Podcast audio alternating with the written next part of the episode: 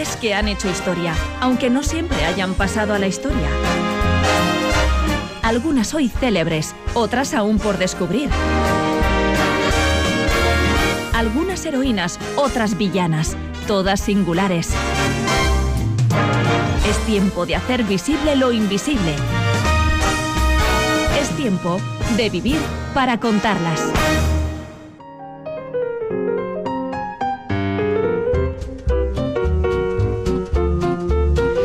Se cumple 50 años del fallecimiento de Coco Chanel, ¿no? Vamos a visibilizar un poco la, vida de, Coco Chanel. Exactamente, porque su periplo personal y profesional merece con creces un capítulo de este espacio que hoy estrenamos, en el que iremos abordando biografías de diferentes mujeres con muy diferentes perfiles también. En el caso de Gabriel, que así fue como se llamó al nacer, lo de Coco llegaría después, fue una mujer que rompió con las convenciones estéticas y sociales de su época y además introdujo importantísimos cambios en la moda femenina que a su vez impulsaron trascendentales cambios en la vida de muchas mujeres. Consiguió dejar atrás una durísima infancia y se convirtió en una de las diseñadoras más influyentes de la historia de la moda. Es, de hecho, la única diseñadora de moda que figura en la lista de las 100 personas más influyentes del siglo XX que elaboró la revista Time. Controvertida también como pocas, su fascinante vida cuenta con oscuros pasajes, decisiones que le salieron muy caras y que ensombrecen inevitablemente su admirable trayectoria. Hoy, en Vivir para contarlas, Coco Chanel. Je vous dirai que je ne peux vous dire que ce que je répète sans arrêt, qui pour moi est un fait, mais que peut-être tout le monde ne comprend pas. Je trouve que les femmes sont toujours trop habillées et qu'elles ne sont jamais assez élégantes.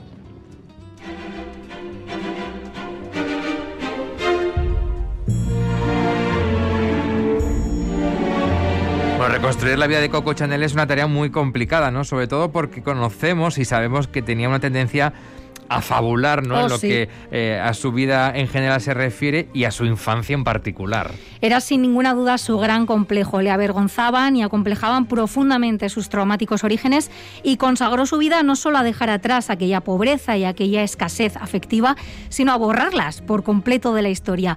En una de sus siempre lapidarias frases afirmó: Durante mi infancia solo ansié ser amada. Todos los días pensaba en cómo quitarme la vida, aunque en el fondo ya estaba muerta. Solo el orgullo me salvó. Fue una mujer orgullosísima toda su vida y he sabido que muchos periodistas rechazaron escribir sus memorias porque cuando querían hacer su trabajo, o sea, escarbar un poquito, Coco enseguida echaba el freno. No, voy a dictar yo mi propia leyenda, ¿no?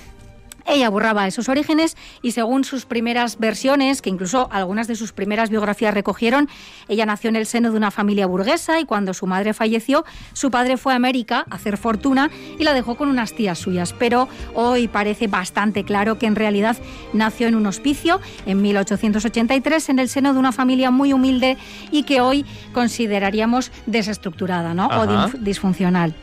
Su madre era una lavandera de salud muy frágil y su padre era vendedor ambulante, además de crápula y un sinvergüenza a nivel olímpico. Y tras la muerte de su madre, que murió muy joven, con solo 31 años, su padre optó por desentenderse de sus cinco hijos. A los dos varones los confió a los servicios sociales de la época, que los pusieron a trabajar en granjas, mientras que a Gabriel, que tenía entonces unos 12 años, y a sus dos hermanas, las dejó en un orfanato el que hoy es bastante célebre y además es lugar de peregrinación también para los fans de Coco, el monasterio de Huasín, en el que tanto Gabriel como sus hermanas aprendieron a coser, bordar a mano y planchar. Pero ella se eh, empeñó, ¿no? De alguna forma en, borrar ese pasaje de, su vida, pero no sé si eh, influye en, algo ese paso por el convento. Sí, está bastante claro entre los analistas también de moda que ese convento cisterciense y su sobria arquitectura, sin duda, influyó también en el estilo Chanel después, que siempre fue sencillo, funcional y muy sobrio. Y cuando cumplió 18 años ya tenía que dejar ese convento y entonces fue enviada a un internado religioso en el que coincidió con su tía Adrienne, que le llevaba en realidad solo un par de años y que en adelante sería su amiga, socia y confidente. Por aquella época, Chanel probó suerte como cantante en un cabaret en el que, según la leyenda, recibió su apodo, Coco. El origen parece estar en una de las canciones que interpretaba en el cabaret sobre una chica que buscaba a su perro Coco.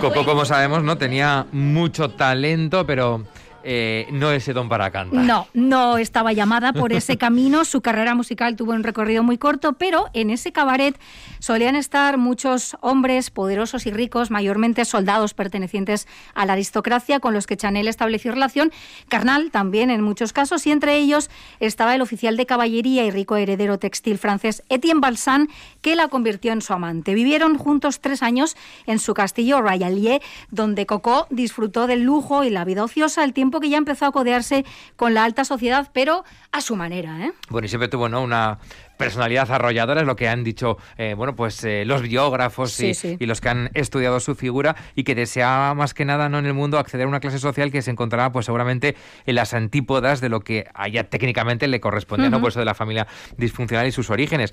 Pero al mismo tiempo ¿no? también lo detestaba. Sí, mm, a ella no le gustaba esa forma de vida y hubo muchas cosas que de hecho después cuestionó y que cambió con su trabajo, pero a la vez quería pertenecer a esa clase social que le había sido negada de alguna manera, ¿no? y fue entrando en ese círculo sin intención de pasar desapercibida. Más bien al contrario, ella hacía gala de su particular forma de vestir que desafiaba completamente las normas sociales y estéticas de la época. Mientras el resto de mujeres, pues pensemos en la Belle Époque, ¿no? Vestían incómodos vestidos, cinturas muy ajustadas, corsés asfixiantes, culos artificialmente rezados que parecían así polletes, ¿no? Grandes y abigarrados sombreros, joyas muy ostentosas, pues ella optó por un look de aire masculino, apostando por la comodidad y la libertad de movimientos que ella también acabaría eh, planteando en sus propuestas como diseñadora. Pero por cómoda que pueda parecer esta vida, ¿no? Como amante mantenida, eso no era para nada lo que ella quería. En este mundo, los hombres ponen las normas. Las mujeres dependemos de nuestros encantos para complacerles. Qué triste. Te sugiero que lo aproveches hasta el final, igual que yo. He sido bailarina, he sido modelo y llamo al rey de Bélgica Leo.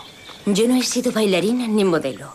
Cuando no tenía dónde ir, encontré un trabajo. Si he permitido que me mantenga Etienne, no es por su dinero. ¿Y cuando te abandone? Si eso pasara, sobreviviré.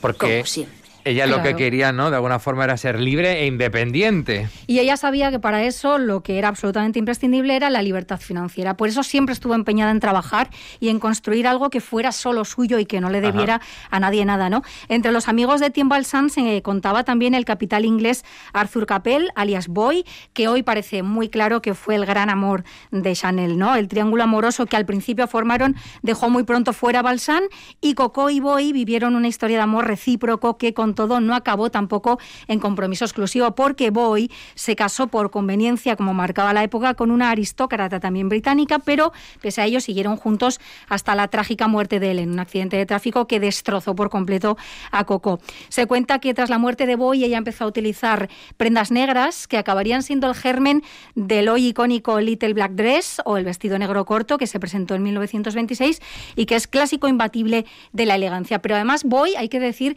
que no fue solo su gran amor, fue también su primer gran mecenas y la primera persona que realmente creyó en ella y decidió invertir en ella también, ¿no? Hasta entonces había diseñado sombreros para esas mujeres que se movían en el círculo de Balsan, pero Capel le animó a que fuera más allá, financió sus primeras tiendas, la primera en Deauville, la segunda en Biarritz, y pocos años después hay que decir que Coco ya estaba en condiciones de devolver, devolver a Boy el dinero, ¿no? Toda esa inversión.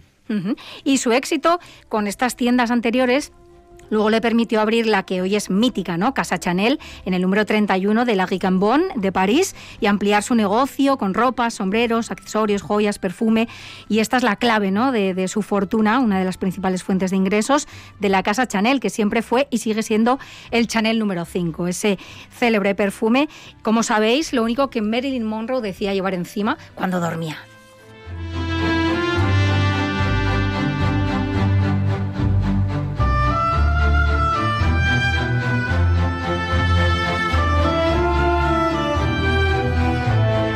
Duda la vida de Coco Chanel fue muy interesante. Eh, la cuidó su privacidad ¿no? con mucho mimo. Los biógrafos, eh, bueno, pues se tenían que pelear ¿no? para poder contar su vida. Coco Chanel rompió por completo con las convenciones de la Belle Époque y fue probablemente no de una moda de un modo consciente, ¿no? pero sí muy efectivo, una absoluta pionera en la liberación estética y ya por extensión de la liberación social de la mujer por dos razones fundamentales. Por un lado, ella hizo una apuesta revolucionaria por la comodidad y por la sencillez, porque lo que quería en aquel momento era que las mujeres ya pudieran moverse, montar a caballo, hacer deporte, trabajar, conducir y respirar, que era algo que no era fácil con los corsés, ¿no? Sí. Y de hecho no diseñaba sus colecciones, por ejemplo, en una mesa de dibujo, sino que a ella le gustaba hacerlo sobre maniquíes de costura o sobre el propio cuerpo de la clienta, porque decía que era la única manera de que esa ropa se adaptara. Y que es la forma más difícil, ¿eh? Exactamente. Y luego la que efectivamente mejor se adapta a la figura de cada persona y por lo tanto a su comodidad, ¿no? Y a sus movimientos. Pero ella fue también, y esto es muy importante, es una de las causas de que trascendiera tanto, su mejor modelo. Ella diseñaba la ropa que quería llevar y que de hecho llevaba para asombro y admiración de unos y reprobación de otros. En los años 20 se le consideraba la personificación de la nueva mujer y vivió un poco ajena a la opinión de los demás. Hay una frase de las muchas frases lapidarias que nos dejó, pues una de ellas que decía, ¿cuántas preocupaciones pierde uno cuando decide no ser algo sino ser alguien? ¿Y es extravagante con tanta barriga? Es Paul Poiret, un diseñador. Y te está mirando. Prepárate. Ah. ¿Qué, qué, lleva puesto en la cabeza, amada? Un sombrero de paja. ¿Le pasa algo? No. ¿No reconoce un sombrero sin un nido encima? A algunas mujeres les gustan estos sombreros. Deje que Paul Poiret determine lo que le gusta llevar a las mujeres. Se pone lo que a usted le gusta. ¿Pero está seguro de que es lo mismo? Es decir, ella no se ponía nada o no diseñaba nada que no se fuese a poner ella antes. Vamos a repasar algunos de los hitos que forman parte del legado de Coco Chanel en la historia de la moda. Por ejemplo, introdujo el jersey y el punto en prendas femeninas de aire deportivo. Hasta entonces, el punto era utilizado solo en la ropa interior y masculina, además. El pantalón, por ejemplo, es verdad que diseñadores como Paul Poiret, al que escuchábamos ahora en, en esa película que luego mencionaremos, ya habían introducido el pantalón en el armario femenino, pero no era en absoluto común llevarlo. Estaba en el mejor de los casos mal visto y en el peor de los casos en algunos países incluso prohibido por ley. De ahí que fuera tan importante que la propia Coco los luciera sin recato, no solo los diseñara. ¿no? Las camisetas de manga larga y también las de estilo marinero que a ella le inspiraron los hombres de mar de Normandía, el pelo corto a lo garzón, que era tan característico ¿no? de las flappers durante los años 20, hasta entonces recordemos esos moños de la Belle Époque, esos sombreros, como decía ella, con un nido encima. Bueno, pues ella optó por el pelo corto porque el largo le molestaba, así de sencillo. Puso de moda la piel bronceada, que parece algo trivial, pero no lo era, porque hasta entonces se consideraba que la piel bronceada era cosa de pobres, por aquello de trabajar de sol a sol, ¿no? Y a partir de los años 20 se convirtió en símbolo de la vida ociosa y por lo tanto de la vida acomodada también, ¿no?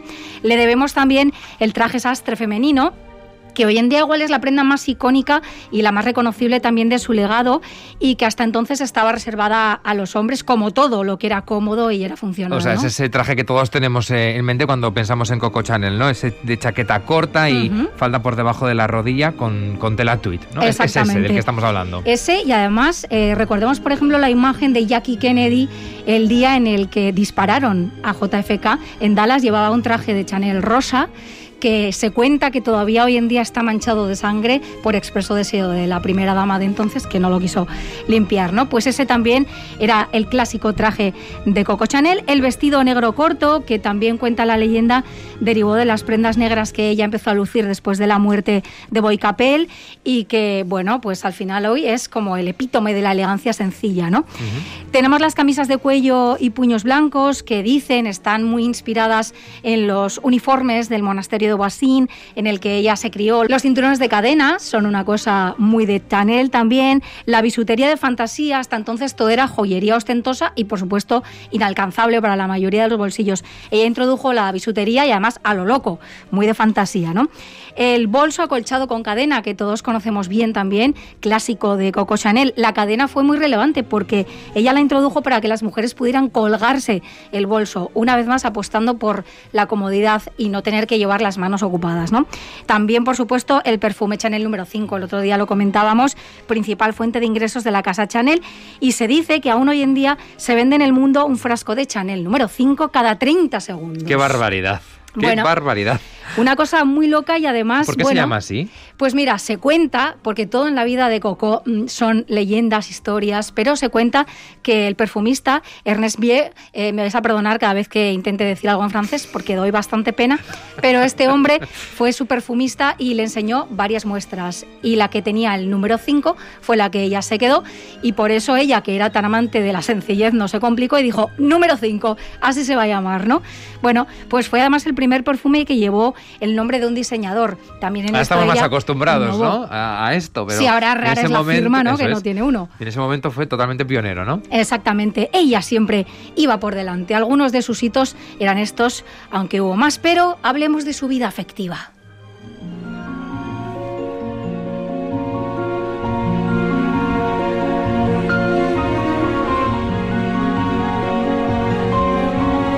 Porque pocas personas no llegaron a formar parte del círculo realmente íntimo de Coco Chanel debido no probablemente a sus experiencias afectivas en los primeros años de su vida tenía un carácter duro, creo que lo mencionamos la semana pasada, impenetrable, difícil y cuanto mayor se hacía, más se pronunciaban esos rasgos. Sí, era una mujer complicada y difícil, sobre todo cuando yo era más mayor, pero pensemos freudianamente, ¿no? O sea, que tu padre tu madre ha muerto, tu padre te deja en un orfanato y tú vas todos los domingos a la sala de visitas esperando verle y no vuelves a verle nunca más, ¿no?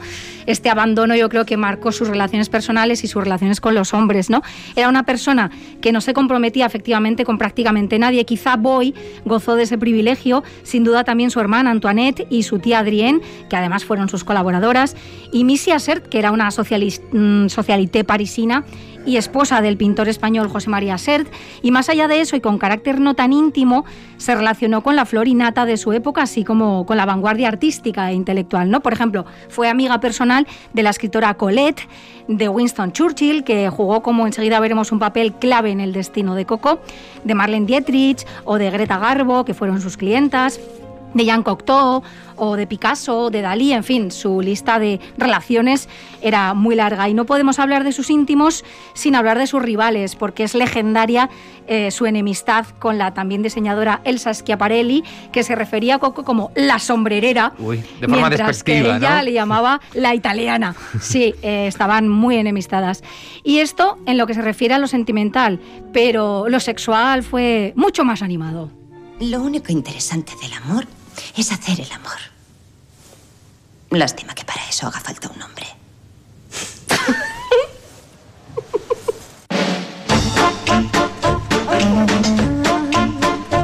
Porque tuvo muchos, muchos almantes, Coco en algunos de ellos célebres y también muy relevantes. Sí. A ver, ilústranos. Bueno, eh, vamos a mencionar solo algunos, porque efectivamente ya fue muy libre también en esto y disfrutó muchísimo, pero, por ejemplo, entre sus amantes se cuenta el compositor Igor Stravinsky, que perdió la cabeza por ella, hay que decirlo, pero no fue correspondido como él esperaba. Él quería mucho más y no pudo ser. Estaba casado, por cierto, pero bueno, él quería mucho más. Y por supuesto, el gran duque Dmitri Romanov, de los Romanov, de, toda la vida, que mira, este hombre escapó, se salvó de la caída y ejecución de la familia real rusa y como otros nobles y aristócratas de su país, acabó exiliado en Europa. El duque de Westminster, poca broma porque tuvieron una relación que duró una década y que no terminó con Coco como duquesa, pero le preguntaron a ella por qué no se habían casado y dijo, ha habido muchas duquesas de Westminster, Chanel, solo hay una, ¿no? Bueno, ella era así con sus frases. Marcando su impronta. Y según algunos rumores, también incluso con el príncipe de Gales y futuro rey, Eduardo de Windsor. Truman Capote eh, afirmó en un retrato que escribió sobre ella que el padre de Coco Chanel era un herrero vasco, que este es un dato que yo he estado intentando contrastar y que no he encontrado en ningún sitio más. Lo que sí es cierto es que tuvo un novio de origen vasco, que fue el ilustrador y diseñador Pablo Iribarne Garay, que firmaba como Paul Uribe, Iribe y con el que tuvo una relación muy pasional, muy tormentosa, que decían que iba a acabar en boda, pero él también, como voy, murió repentinamente. Y también se cuenta que octogenaria ya tuvo una aventura con su mayordomo que era 30 años más joven que ella. Hizo lo que quiso en cada momento. En todos los ámbitos de su vida y en toda su vida, efectivamente. Amó a muchos, se divirtió con muchos más, pero nunca se casó. Se enamoraban de Coco, pero se casaban con otras de su misma clase social. Y, debido a su experiencia vital, tampoco ella parecía tener en gran estima la institución del matrimonio. Lo que había visto no le dejaba muchas ganas. Lo único interesante del amor es hacer el amor. Lástima que para eso haga falta un hombre. Fíjate, mi madre fue una idiota.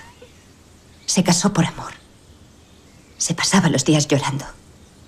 Mi padre siempre la engañaba. Noche tras noche en vela, esperándole. Una mañana cuando él volvió, se la encontró acostada. Estaba muerta. ¿Ves? Es mejor ser amante que esposa. Y por cierto, a Coco le pasó factura precisamente eso, que fuese tan libre en el terreno sentimental, en el terreno sexual. Eh, ¿Se le perdonó de alguna forma en, ese, en esa época y en ese contexto? Se le criticó muchísimo, no se le perdonaba ninguna de sus libertades, que como vemos eran. Como si hubiera que perdonarla, ¿no? Pero... Y además a ella le daba igual, que esto es lo más importante, o sea, ella vivió como quiso, ¿no? Y siempre se le acusó también de servirse de hombres ricos y poderosos con los que se relacionó, pero no hay que pasar por alto que ellos también se sirvieron de ella en otros aspectos. No le debo nada a nadie. Si alguien ha estado cerca de mí, hombre, mujer, rico, pobre, es porque les ha convenido hacerlo. A la única a quien le debo gratitud es a mí. Esto es Chanel. Por algo.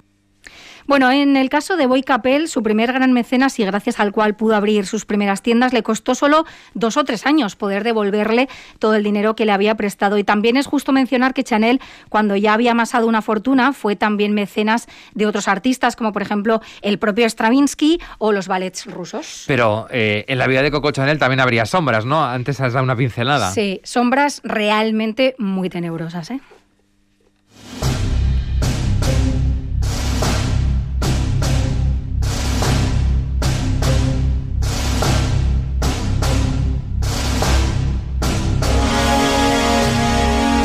Quizás ese periodo más oscuro siniestro de la vida de Coco Chanel fueron los años de la Segunda Guerra Mundial, la parte más desconocida de, su vida. Desconocida y muy, muy turbia. La verdad es que esto ensombrece su legado y no hay ninguna duda. ¿no?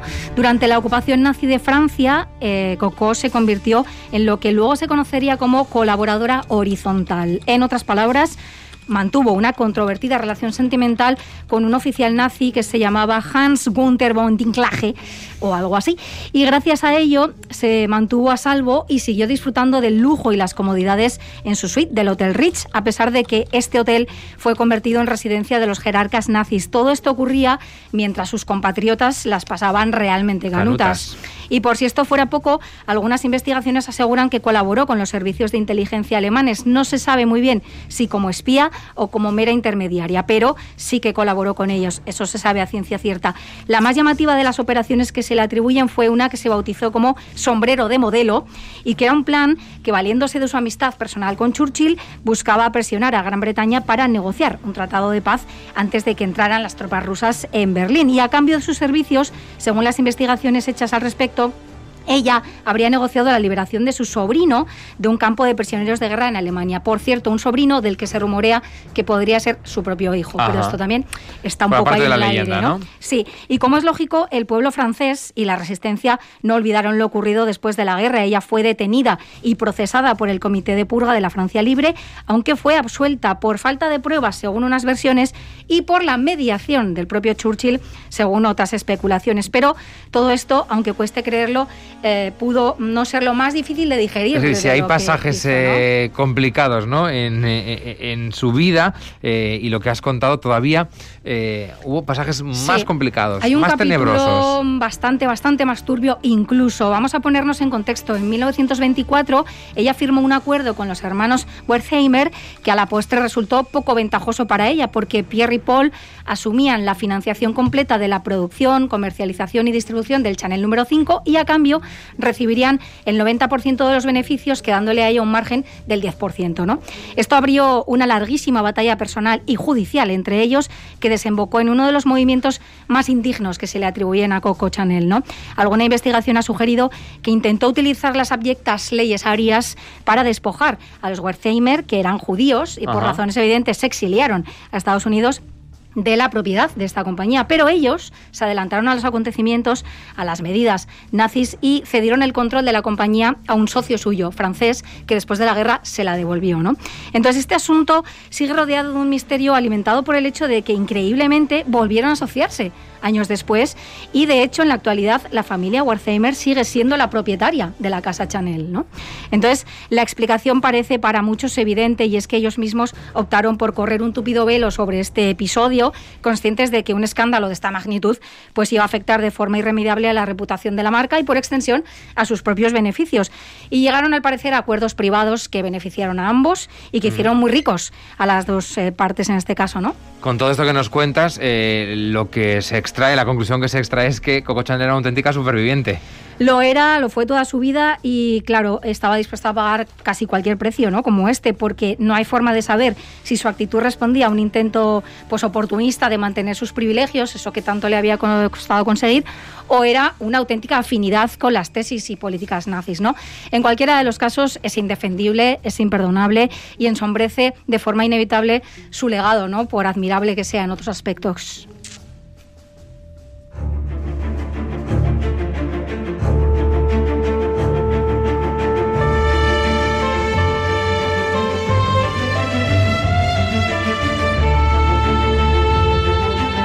Seguimos avanzando en la vida de Coco Chanel ya en estos últimos minutos y tras, eh, digamos, su voluntario exilio a Suiza al finalizar la guerra, volvió a París, estamos hablando del año 1954, y ahí es cuando ya reabre eh, su casa de moda. Sí, su primera colección, cuando ella ya tenía 70 años, no fue recibida precisamente con los brazos abiertos, porque además de la hostilidad lógica que generaba su papel durante la guerra, se le acusó de estar anticuada y desfasada frente a los nuevos aires que soplaban en el mundo de la moda, materializados, por ejemplo, en el New Look impulsado por Christian Dior y que suponía una estéticamente muy bella, pero también muy conservadora vuelta pues a las cinturas apretadas, a las prendas rígidas, a los sujetadores con relleno, a todo lo que Chanel odiaba, ¿no? Pero ella se mantuvo en sus trece terca como era.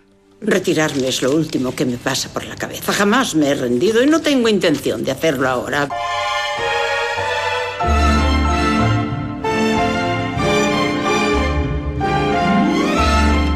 Sus propuestas sí que fueron bien recibidas en cambio en Reino Unido y en Estados Unidos, con grandes valedoras como la antes citada Jackie Kennedy y también otras celebridades del momento como Liz Taylor, Rita Hayworth, eh, Audrey Hepburn, Grace Kelly o María Callas. Y Decíamos, eh, eh, Edurne, que mm, tenía unos rasgos, una personalidad muy compleja y que cuando, bueno, cada vez que iba cumpliendo años, cada vez que se hacía mayor, esos rasgos se iban acrecentando, ¿no? Se iban convirtiendo cada vez más huraña, más cerca también más solitaria. Sí, la verdad que sufrió una gran soledad, sobre todo al final de su vida, y fumadora empedernida como era, consumidora habitual también de morfina, vivió, a pesar de todo, hasta los 87 años, murió un 10 de enero del año 1971 en el Hotel Rich, en el que había vivido más de 30 años, trabajó hasta el último día, cuando, según cuenta la leyenda, volvió de un largo paseo, se acostó temprano y le dijo a su ayudante personal, bueno, así es como uno se muere, ¿no?